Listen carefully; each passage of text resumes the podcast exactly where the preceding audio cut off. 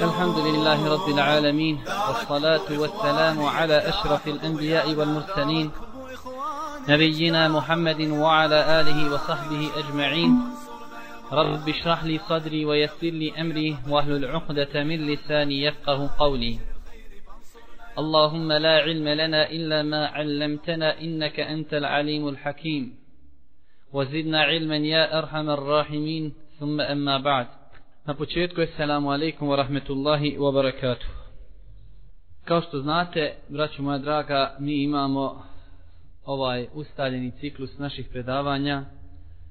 Jedne sedmice obrađujemo tematiku savjeti klanjačima ili, bolje rečeno, greške klanjača. Druge sedmice imamo jedno predavanje koje više tretira odgoj. Znači, pokušavamo da obradimo neke teme koje su i kako bitne za nas kada je u pitanju odgoj. Noćeš ćemo imati jednu pomenite kako lijepu temu i bitnu u životu svakog čovjeka, a to je slabost ili malaksalost ili kako to Arapi kažu futur, tako da i ta riječ i kod nas našla veliki prijem, tako da dosta ljudi ovu riječ i ne prevode i znači spominju je u svojim predavanjima kao takvu, kao arapsku riječ. Samo da kažem da ćemo pokušati ovu tematiku podijeliti u tri dijela, to jest u tri predavanja, pošto je ovo ljetni period i ne ide u prilog nikako da držimo duga predavanja, jer svi mi u toku dana imamo nekih obaveza i tako da je sigurno mi je dovoljno da sjedi pola sata i 45 minuta.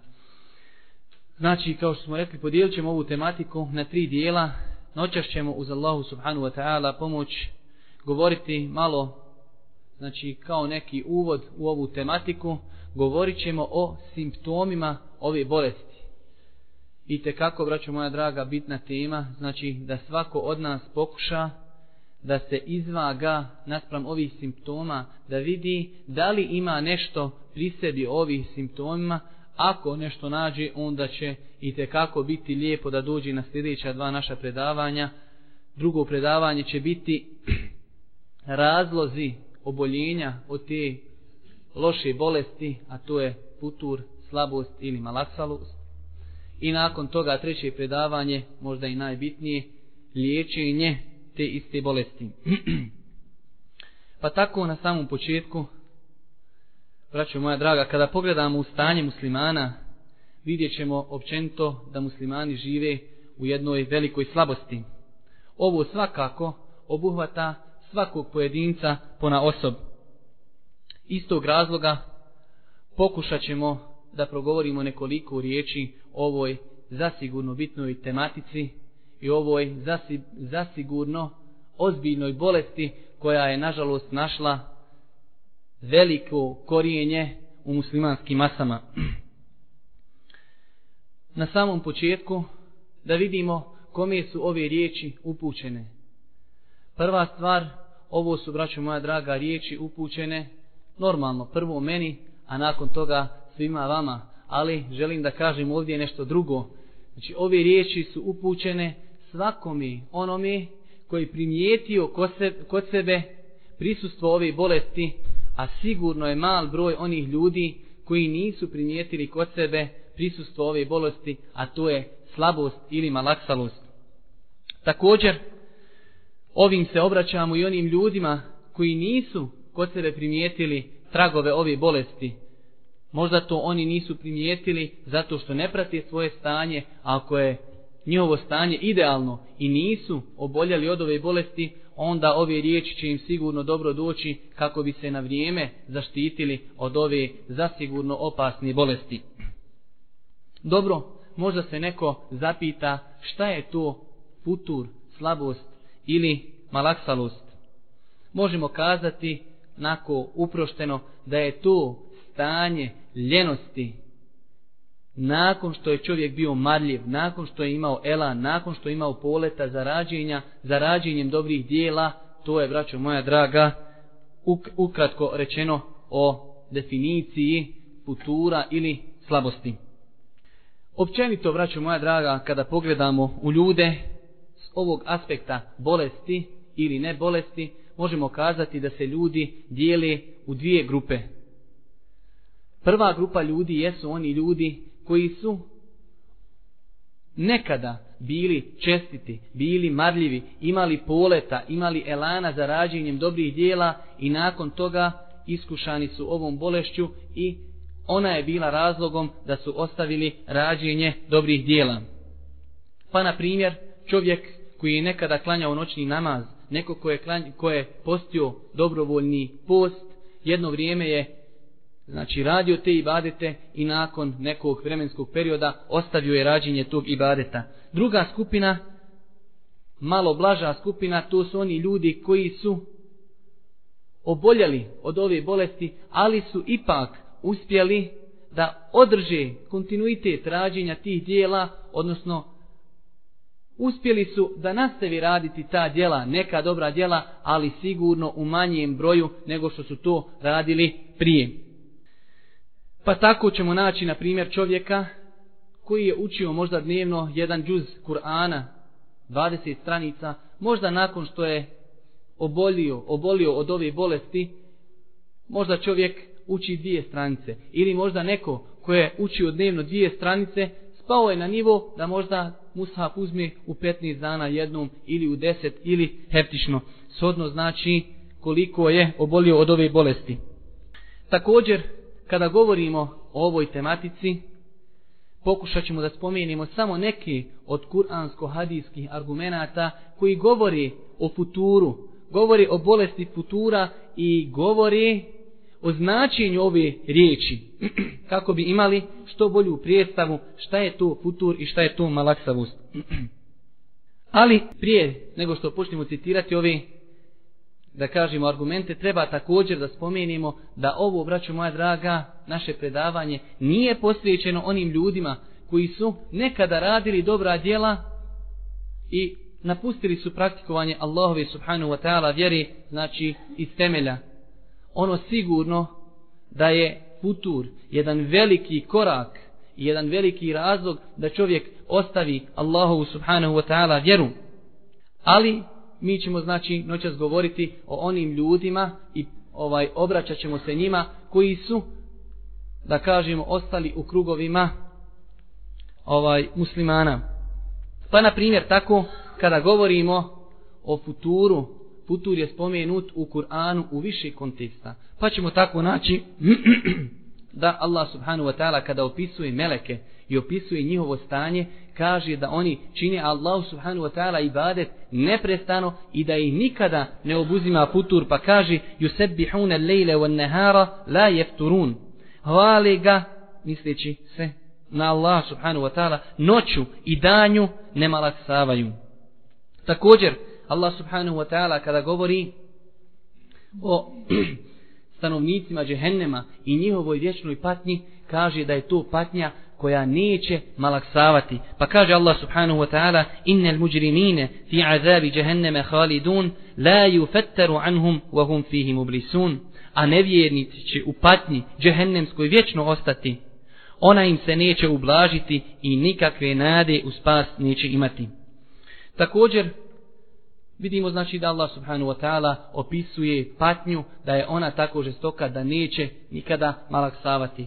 Također kada pogledamo siru, životopis Božijeg poslanika sallallahu alaihi wasallame, naći ćemo da spominje riječ futur ili bolest futura u više hadisa. Mi ćemo spomenuti neke od njih zbog skučenosti s vremenom. Pa tako hadis od Enesa radijallahu ta'ala anhu kojeg je zabilježio imam Buharija i Muslim da je Božji poslanik sallallahu alaihi wasallame jedne prilike ušao u mesčid pa je našao srezano uže između dva stuba pa je upitao kako je ovo uže, pa su mu kazali to je uže za nebino žene Božih poslanika sallallahu alaihi wasallame, pa je upitao za razlog toga, pa su mu rekli da ona kada klanja i kada se umori, kada je znači zadesi taj putur, malaksavost, onda se ona pričuva za to uže, pa kaže Boži poslanik sallallahu alaihi wasallame, odvežite ga i neka klanja neko od vas, do ga ne obuzmi malaksavost a kada ga obuzmi malaksavost,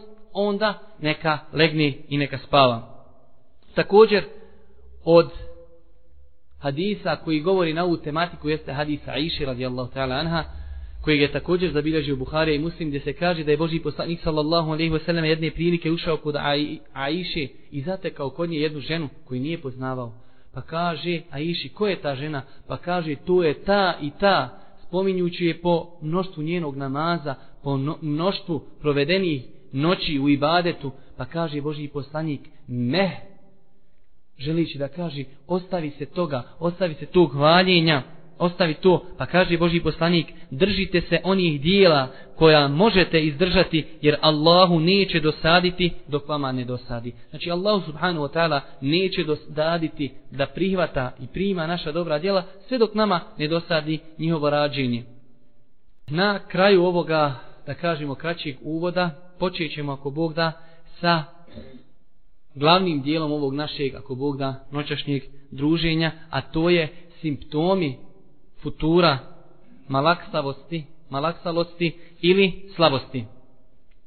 Prvi, braćo moja draga, simptom koji je zasigurno, zasigurno i kako mnogo raširen u muslimanskim masama i ne sumljam da je u velikom broju prisutan kod većine prisutni ovdje jeste ljenost u ibadetima i općenito u rađenju pokornosti. Mislim zasigurno da je ovo znači jedan najjasniji simptom kako čovjek može da otkrije postojanje ove ružne bolesti kod sebe. Kao što smo kazali, Ovaj simptom je poteškoća i ljenost prilikom rađenja ibadeta. A koji to ibadeti, vraću moja draga, na čelu svih tih ibadeta jeste najbolje djelo koje čovjek može uraditi nakon šehadeta, a to je namaz. Namaz. Kao najbolje djelo. Zato Allah subhanahu wa ta'ala kada opisuje munafike, opisuje ih tako da oni ljeno i teško ustaju na namaz, pa kaže Allah subhanahu wa ta'ala وإذا قاموا إلى الصلاة قاموا قسالا يراؤون الناس ولا يذكرون الله إلا قليلا kada ustanu da molitvu obavi, lijeno se dižu i samo zato da bi se pred svijetom pokazali, a Allaha gotovo i ne spomenu. Vidimo da je, znači, od stava munafika to da obavljaju namaz i općenito, znači, ono što je Allah subhanu wa ta'ala naredio sa ljenošću. Zato, braći, braćo moja draga, čovjek ako želi da ispita svoje stanje, neka postavi sebi ovu vagu i neka vidi kako obavlja, kako obavlja ono što mu je Allah subhanahu wa ta'ala naredio. Zato, ako nađe pri sebi ovu osobinu, neka zna da sigurno, da je sigurno u opasnosti, jer kao što smo spomenuli, ovo je jedno od svojstava munafika. Također ovdje možemo spomenuti jednu stvar, a to je da, braću moja draga, čovjek može dozvoliti sebi da ima, da ga obuzmi ljenost kada je u pitanju na fila, kada je u pitanju dobrovoljno rađenje nekih dijela, ali kada je u pitanju ono što Allah subhanahu wa ta'ala naredio čovjek musliman ne bi sebi smjeo da dozvoli da ga obuzme ljenost i futur kada je u pitanju obavljanje onoga što je obavezno. Jer neminovno ovo ako čovjeka zadesi da, da ima ljenost kada je u pitanju obavljanje farza, onda je sigurno mnogo preći da on sa ljenošću obavlja ostali na file kao što je vitr namaz, kao što je pretvrđeni sunneti ili šta ja znam neki drugi ibadeti. Također od simptoma ove bolesti jeste grubost srca. A šta je to, braćo moja draga, grubost srca? Grubost srca je to da čovjek osjeti nakon što je njegovo srce bilo mehko, nakon što je bilo osjećajno da osjeći, osjeti tvrdoću, da osjeti znači da se njegovo srce ne ne sažaljeva ili jednostavno da se osjeća kada na primjer sluša kuranske ajete kao da ih ne sluša ili kada sluša neko predavanje da ne ostavlja na njega nikakvog traga. A šta je razlog tome? Razlog tome su sigurno grijesi, kao što kaže Allah subhanahu wa ta'ala, Kalla bel rane ala kulubihim ma kanu jeksibun. Ono što su radili prekrilo je srca njihova. Do te mjere, braću moja draga, da srce može da pocrni, da dođe na nivo, na nivo kakva su srca nevjernika kao što Allah subhanahu wa ta'ala opisuje srca židova pa kaže kulubuhum min min badi fa hiya kal hijarati aw ashad qaswa Ali srca vaša su poslije toga postala tvrda kao kamen ili još više. Zato ćemo naći, braću moja draga, da srce može da pocrni i da otvrdni do te mjere da ne prihvata ništa, jednostavno da mu je svejedno da li da vidi smrt da li da vidi nekoga ko je preminuo, da li da odi na dženazu, da li da klanja dženazu, jednostavno na njega to ne ostavlja nikakvog traga. Vidjet ćemo mnogo ljudi u današnjem vremenu, a eto danas smo imali i mi ovdje dženazu, da mnogo puta idu ljudi na dženazu, a na dženazi razgovaraju o trgovini, o nekim ovodunjalučkim poslovima. To sigurno, braćo moja draga, ukazuje i na tvrdoću njihovog srca na te ljude ne ostavlja traga gledanje mejita, slijeđenje dženazi, klanjanje dženazi. Tako ćemo dosta ljudi vidjeti da u toku dženazi smiješi se cijelo vrijeme kao da su kupili kate za džennet, ne znajući da će i oni jednog dana biti nošeni i da će im se klanjati kao što su danas oni nekoga nosili i kao što su oni danas nekom klanjali dženazu. Koliko ljudi u toj masi koja klanja dženazu ne klanja, ne klanja pet vakata namaza, ali ne da mu, znači ne da mu se da uzme pouku istoga, da shvati da će i on sutra stati pred ljude, ali znači u tom položaju da će mu ljudi klanjati dženazu. Kada pogledamo u stanje pravih vjernika, ono bi trebalo da bude drugačije, jer Allah subhanahu wa ta'ala kada opisuje vjernike, opisuje ih tako da su oni ti koji kada im se citiraju Allahu subhanahu wa ta'ala ajeti da ostavlja traga na njih pa tako kaže Allah subhanahu wa ta'ala u suri Enfal drugi ajet إنما المؤمنون الذين Allahu kulubuhum, wa وجلت قلوبهم وإذا تليت عليهم آياته imana wa ala rabbihim يتوكلون kaže Allah subhanu wa ta'ala pravi vjernici su samo oni čija se srca strahom ispune kada se Allah spomeni a kada im se riječi njegove kazuju, vjerovanje im se učvrsti. Kada im se riječi Allahove subhanahu citiraju, njihovo vjerovanje se učvrsti. Pa čak, braćo moja draga, ova, znači tvrdoća srca može ići toliko daleko da čovjek zavoli grijehe i da se privikne na njih.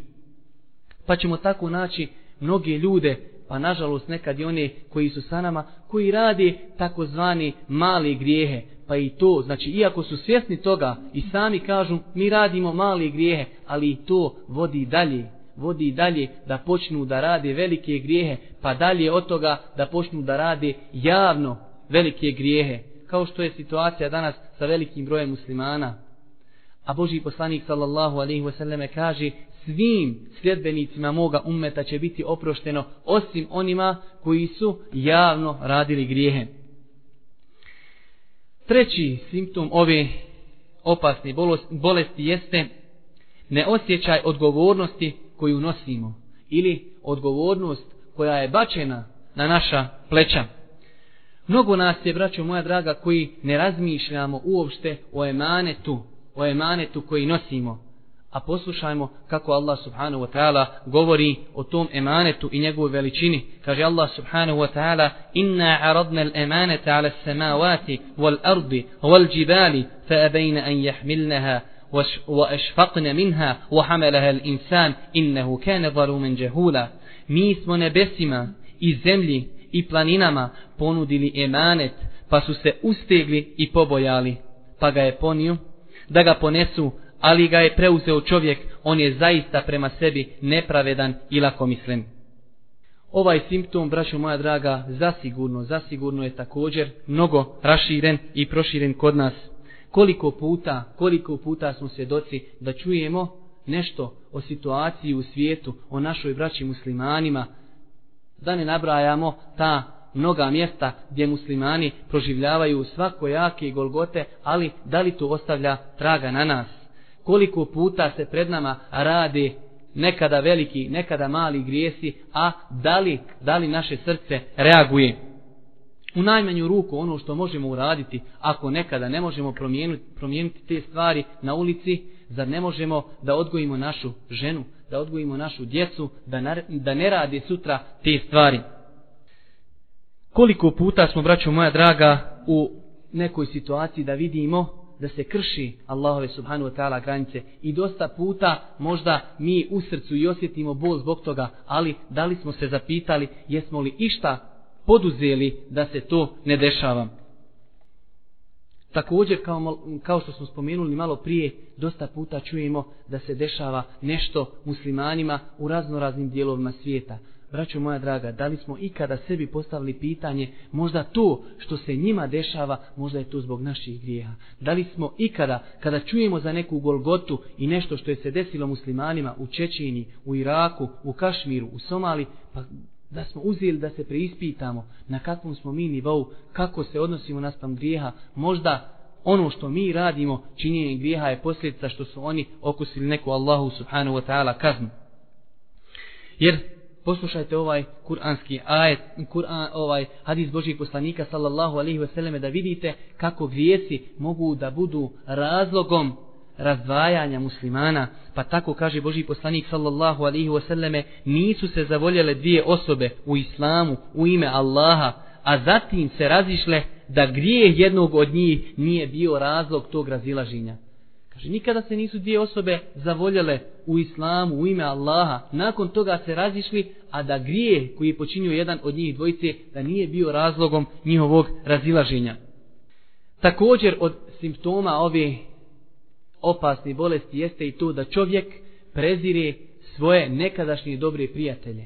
Tako ćemo naći ljude koji su bolesni od te bolesti da je nekada imao prijatelje s kojima je provodio mnogo vremena, i jednostavno lijepo je se osjećao s njima, radovao se susjetu s njima, njihovom pozivu, ali nakon kraćeg vremena, nakon što je njegovo srce otvrdnulo, šta se dešaje, prezire susjet sa takvim ljudima, prezire da ga nazovu takvi ljudi. Zašto? Zato što će takvi ljudi sigurno ukazati njemu na njegove greške. I tako vidimo da ta ljubav vidimo da takvi lijepi odnosi su preko noći, da kažemo, postali bojkot, postali su mržnja i zavist. To, kao što smo malo prije kazali, sigurno je razlog, razlog tom, da kažemo, prekidanju veza između ljudi, jeste počinjeni, grijehi, počinjeni grijesi jednog od njih. Također ovo biva razlogom da čovjek se vrati nekom starom društvu koje sigurno mu ne obećava ništa lijepo. Znači ako čovjek prezire dobrije svoje prijatelje i dobro društvo, šta mu preostaje? Mi smo u prošlom predavanju kazali da je čovjek društveno biće, da čovjek voli da živi s ljudima. Znači taj čovjek će nevinovno živjeti sa nekom grupom ljudi. Pa ako ne živi sa dobrim ljudima ne preostaje mu ništa drugo nego da se vrati nekim starim društvima i lošim društvu. Također, braću moja draga, od simptoma ove bolesti jeste i zauzjetost dunjalukom i davanjem davanjem prednosti dunjaluku nad ibadetima. Koliko je, braćo moja draga, ljudi koji su nekada bili, tako da kažemo, u poletu, bili su u elanu, da nisu mogli dozvoliti sebi da ima neko predavanje, da ima neka aktivnost, a da se oni ne odazovu na takvo predavanje. Ali, kada su počeli trčati za Dunjalukom više nego što im je potrebno, ovdje treba obavezno naglasiti, više nego što im je potrebno, počeli su zapostavljati ovakva druženja, predavanja, halike Kur'ana. A zaista je absurd da neko kaže ne može u sedam dana da ukalkuliše u svoj dnevni, znači taj neki plan, jedno predavanje ili jednu haliku Kur'ana. Također ovdje treba naglasiti jednu stvar kako ne bi neko pogrešno shvatio. Braćo moja draga, i kako je pohvalno da čovjek ide i da radi i da se brine o svojoj nafaki. Ali, rekli smo, znači u granicama da čovjek ukalkuliši ono što će mu biti ako Bog da hajr i, da na dunja, i na dunjaluku i na ahiretu.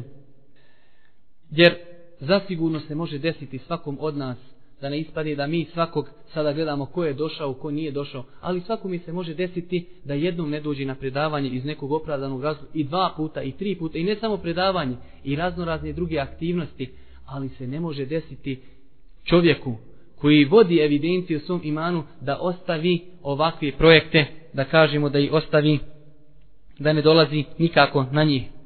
Također od simptoma, braćo mi ćemo spomenuti ovih simptoma, ne mora značiti da svaki moramo imati pri sebi. Dovoljno je da imamo jedan, sigurno je znači belaj, a sigurno je gora situacija ako imamo pri sebi sve ono što se spominje.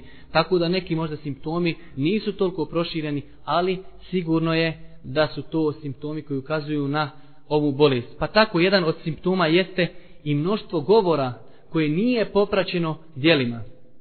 Tako ćemo nekada naći ljude koji su nekada imali elana, koji su imali volje i motiva za dobrim djelima, ali dođe i počinje ti govori i kaže, e ja sam nekada radio to, ja sam nekada radio za islam, ja sam nekada dolazio na predavanja, a to sve s ciljem da opravda svoju pasivnost u trenutnoj situaciji. Znači on se samo poziva ja sam nekada, ja sam nekada, a sve to s ciljem da bi samo opravdao svoju pasivnost. Također jedan od simptoma koji je po meni zasigurno primjetan, kod nekog više, a kod nekog manje, jeste pretjeranost u ugađanju u sobstvenim i ličnim potrebama. Da čovjek pretjerano ugađa sebi kada su u pitanju njegove neke lične potrebe. To se, braćo moja draga, ogleda kroz mnogo stvari. Može se ogledati kroz hranu, može se ogledati kroz piće, može se ogledati kroz auto, može se ogledati kroz mobitel, može se ogledati kroz mnogo stvari.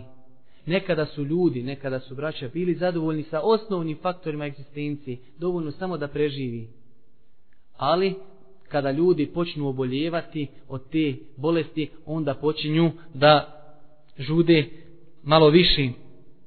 Također ovdje isto treba naglasiti da nema smetnji da čovjek sebi obezbijedi osnovne stvari za egzistenciju, onoliko koliko mu je potrebno. Ali, braću moja draga, kao što smo malo prije spomenuli, ne smije to čovjeka da odvede da ne prisustuje nekim aktivnostima u kojima je sigurno hajr za njega. Vidjet ćemo, na primjer, kada pogledamo situaciju kod oženjenih ljudi, koliko puta smo otežali našim hanumama neke stvari koje su im potrebne zbog naših nekih, da kažemo, dodatnih uslova. Braću moja draga, treba da znamo, čovjek ako želi nešto da postigne, mora nešto i da žrtvuje. Tako čovjek ako hoće da izgradi stanje u svojoj porodici kako treba, on će malo, da kažemo, od svojih prava ovaj da uzme, pa će kazati ženi, danas treba da pročitaš toliko, toliko Kur'ana, danas trebaš da nahivzaš toliko Kur'ana, da pročitaš toliko hadisa, da naučiš toliko hadisa, a što se tiče hrani, možemo mi jest nekada i jaje, ako čovjek duđe iz posla, može se to, ne mora biti uvijek sve popeglano, ali čovjek, neko od nas tu ne može da, da kažemo da rezonuje, neće tako da živi, ali može da rezonuje i može da pojmi da živi sa ženom koja možda cijeli život će sa njim proživiti, ali ne zna učiti Kur'an, možda ne zna pet sura na pamet ili ne zna osnovne propise Allahovi subhanahu wa ta'ala vjeri. Zato, ako želimo nešto da postignemo, moramo nešto, braću moja draga, i uložiti tu. Također, od simptoma, iako smo ovaj simptom znači spominjali, ali ovdje da ga spomenemo pona osob, jeste i to da čovjek nema pri sebi ljubomoru kada je u pitanju kršenje Allahovi subhanu wa ta'ala granica ili ovaj slabost imana kada je u pitanju reagovanje na kršenje Allahovi subhanu wa ta'ala propisa. Pa tako, kao što smo spomenuli, dosta puta ćemo vidjeti da se u našem prisustvu radi veliki grijesi, a mi hladni kofri žider. Naše srce ne reaguje, ili možda najviše što kažemo inna lillahi na inna ilaihi Estagfirullah. Šta ljudi radi? A braću moja draga, čovjek treba da reaguje. Stoga mi smo obećali da ćemo ako Bog da održati jedno kompletno predavanje kako čovjek da reaguje u dotičnim situacijama. Ali osnova je, braću moja draga, da čovjek treba da reaguje na, da kažemo, rađenje loših dijela koja se dešavaju u njegovom prisustvu. Također jedan od simptoma koji je zasigurno proširen kod nas i koji ne obećava ništa lijepo jeste o gubljenje vremena i njegovo nepravilno iskorištavanje. Prva stvar znači gubljenje vremena, da čovjek gubi vrijeme u neke bezvezne stvari. A druga stvar jeste da čovjek iskorištava vrijeme, ali bi mogao da iskoristi to vrijeme u nešto što, je, što će se vratiti sa većom koristi muslimanima, ummetu, generacijama koje dolazi. Tako ćemo vidjeti, braću moja draga, da ima ljudi koji se žali na iskonost, žali se na besposlicu, žali se da im je dosadno. S druge strane ćemo naći neke ljude koji su organizovali svoj život da im treba vremena. Kada bi se moglo kupiti vremena, oni bi ga kupili. Šta to ukazuje? To ukazuje da je problem kod nas. Kako ćemo mi, braću moja draga, iskoristiti naše vrijeme? Pa na primjer kada je u pitanju pomeni nepravilno iskorištavanje vremena jeste da imamo braći, braći koji ne mogu zamisliti da i maši neka politička emisija, Kažemo politička emisija, iako dosta puta braću nemaše i druge stvari koje idu uz političke emisije. Ali taj isti brat može sebi dozvoliti da ima čitavu policu knjiga i da nije pročitao ni jednu knjigu. Da ima desetine kaseta da i nije pročitao. Ne kažemo, braćo moja draga, opet moramo pojašnjavati naše riječi, moje riječi. Ne kažemo da ne treba biti informisan. Treba čovjek da zna šta se dešava oko njega ali treba čovjek i da se poduči propisima svoje vjere. Ali smo rekli da ne treba da čovjek ide u jednu krajnost. Rekli smo da ima ljudi, neminovno je da prati neke emisije. Svaka ta emisija traje po sat vremena. Ali upitaj tog istog čovjeka, kada si se natjerao sat vremena da sjediš da učiš Kur'an, a u toku svakog dana pogleda takvu jednu ili dvije emisije. On može, ne može da se pomiri, da ne zna šta se dešava oko njega, ali može da se pomiri da cijeli život živi kod džahil, da ne zna osnovne propise svoje vjeri Nije uslov da budiš alin, da budiš učenjak, ali da poznaješ osnovne propise svoje vjeri Čovjek može, može da pojmi to da je nakon deset godina prešao u sufaru, ali kada čuješ njegovo učenje, nakon deset godina rekao bi mu evo ti deset kajmova sam šuti da ne čujem tvoje učenje ali ne može pojmit da ne zna šta se dešaje oko njega.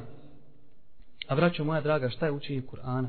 Šta je to? To je osnova da ne govorimo o takvom čovjeku ako ne zna učiti u Kur'anu kako poznaje propise Allahovi subhanu wa ta'ala vjeri ili svega onoga što mu je potrebno u svakodnevnom životu. Također od simptoma ovi, kao što smo rekli, zasigurno opasni bolesti jeste i nespremnost čovjeka da prihvati neku obavezu. To sigurno također ukazuje na prisustvo ove bolesti. A to najbolje znaju oni ljudi koji organizuju nešto. Mi ćemo nažalost naći dosta braći koji mogu da savladaju šetana kada je u pitanju da dođe na predavanje. Ako treba doći i na predavanje, doći i na haliku. Ali taj nije spreman da preuzme nikakvu odgovornost, nikakav projekat, nikakav program. Zaista to također, braću moja draga, ukazuje na postojanje bolesti kod dotičnih osobi. Pa makar se radilo, kao što smo rekli, i osobama koji se često druži sa nama, možda ih viđamo u džematu, možda ih viđamo sama nama na predavanju, ali čovjek ako nije spreman i ne želi da prihvati nikakvu obavezu, znajte da je to sigurno u pitanju bolest, futura, slabosti. I takvi takvi, ljudi, ako im se i ponudi nešto da urade u dosta situacija, ili ne urade ono što im je se zapovjedilo, ili urade, znači, polovično, ili ne urade nikako, ali u dosta slučajeva ne urade ono što im je povjereno. Također, od simptoma ove bolesti jeste i to da imamo osobe koje kritikuju svaki započeti projekat. Pa ćemo naći neke ljude da ih Allah uputi napravi put, a ina zajedno sa njima, kakvu god, kakav god projekat da mu čovjek ponudi i kakav god plan programa, on uvijek ima kritiku. Uvijek ima kritiku. Za koga god da ga upitaš od daija, od profesora, od braći, niko ne velja. Ali je taj spreman 24 sata da leži. Ništa ne radi, ali je spreman da kritikuje svaki mogući plan, svaki mogući projekat, svaku mogu moguću ideju za nekim projektom. Uglavnom, takvi ljudi, treba rezimirati, su specijalci za iznalaženje opravdanja, a to sve, braćo moja draga, bježeći od posla. To sve bježeći od posla. Ne želi da radi. Zato on šta god da mu ponudiš, e, to ima pri sebi, to i to, samo kako ne bi nešto radio. Kada ga upitaš za nekog vrata, ako mu kažeš noćas ima predavanje, dolazi taj, taj brat, ima on to pri sebi, ima on to pri sebi. I tako jednostavno ne želi da se ovaj aktivira i da radi. I na kraju, braćo moja draga, zadnji od ovih simptoma, mislim da nismo puno oduljili, pa eto nekako opet više nešto sam ja planirao, jeste odgađanje rađenja dobrih dijela i duge nade. Odgađanje rađenja dobrih dijela. To je također, braćo moja draga, jedan od simptoma ove bolesti. Mi ćemo naći dosta puta da imamo braću koji zasigurno želi da popravi svoju, svoje stanje, svoju situaciju, ali njihov životni moto je inšallah, ako Bog da, sutra. Imamo braće koji znaju da im je loški rajet, ali ako Bog da, ja ću to popraviti zimus. Zimus ima vremena. Zimus dođe, treba raskidavati snijeg ispred kuće, zauzeti, E ako Bog da leti. Let je zauzet normalno oko sabiranja zaliha onoga što mu treba zimus, što je i logično. I tako ne može ni ljeti. I tako iz godine u godinu. Ne može ljeti zato što ima posla, ne može zimi, treba čuška snijeg i tako vidimo takve ljude, njihov životni moto je ako Bog da, inšallah. Tako, znači, dosta puta to ne biva iz neke loše namjere, ali zaista to je utjecaj šetana i to je ono njegovo, kao što kažu neki učenjaci, najjače oružje, oružje general Seufe, kako ga Arapi zovu, znači Seufe u arapskom znači u budućnosti, ako Bog da uradit ću neko djelo u budućnosti. I na kraju treba spomenuti jednu, nažalost, ovaj činjenicu koja ne ohrabruje, to je da takvi ljudi samo se tako ponašaju kada je u pitanju rad za vjeru ili nešto znači ahiretski. Ako mu ponudi znači da radi sufaru ili nešto, znači odgađa to. Ono što može danas uraditi, on to odgađa za sutra. Ali kada vidimo ka, kakva je njegova situacija kada je u pitanju dunjalu, radi suprotno. Ono što bi mogao odgoditi za sutra, on to uradi danas. Znači suprotno. To su, moja draga, neki od simptoma za koji sam ja mislio da je potrebno da ih spomenemo u ovom našem druženju na sljedećem našem predavanju ćemo ako Bog da spomenuti razloge ovaj ove bolesti, ima ih oko 18 i nakon toga ćemo spomenuti u trećem predavanju također 18 načina liječenja od ove bolesti. Molim Allah subhanu wa ta'ala da nas učesti na pravom putu i da nas sačuva od ove zasigurno opasne bolesti. Subhanak Allahumma wa bihamdika, ashhadu an la ilaha illa wa atubu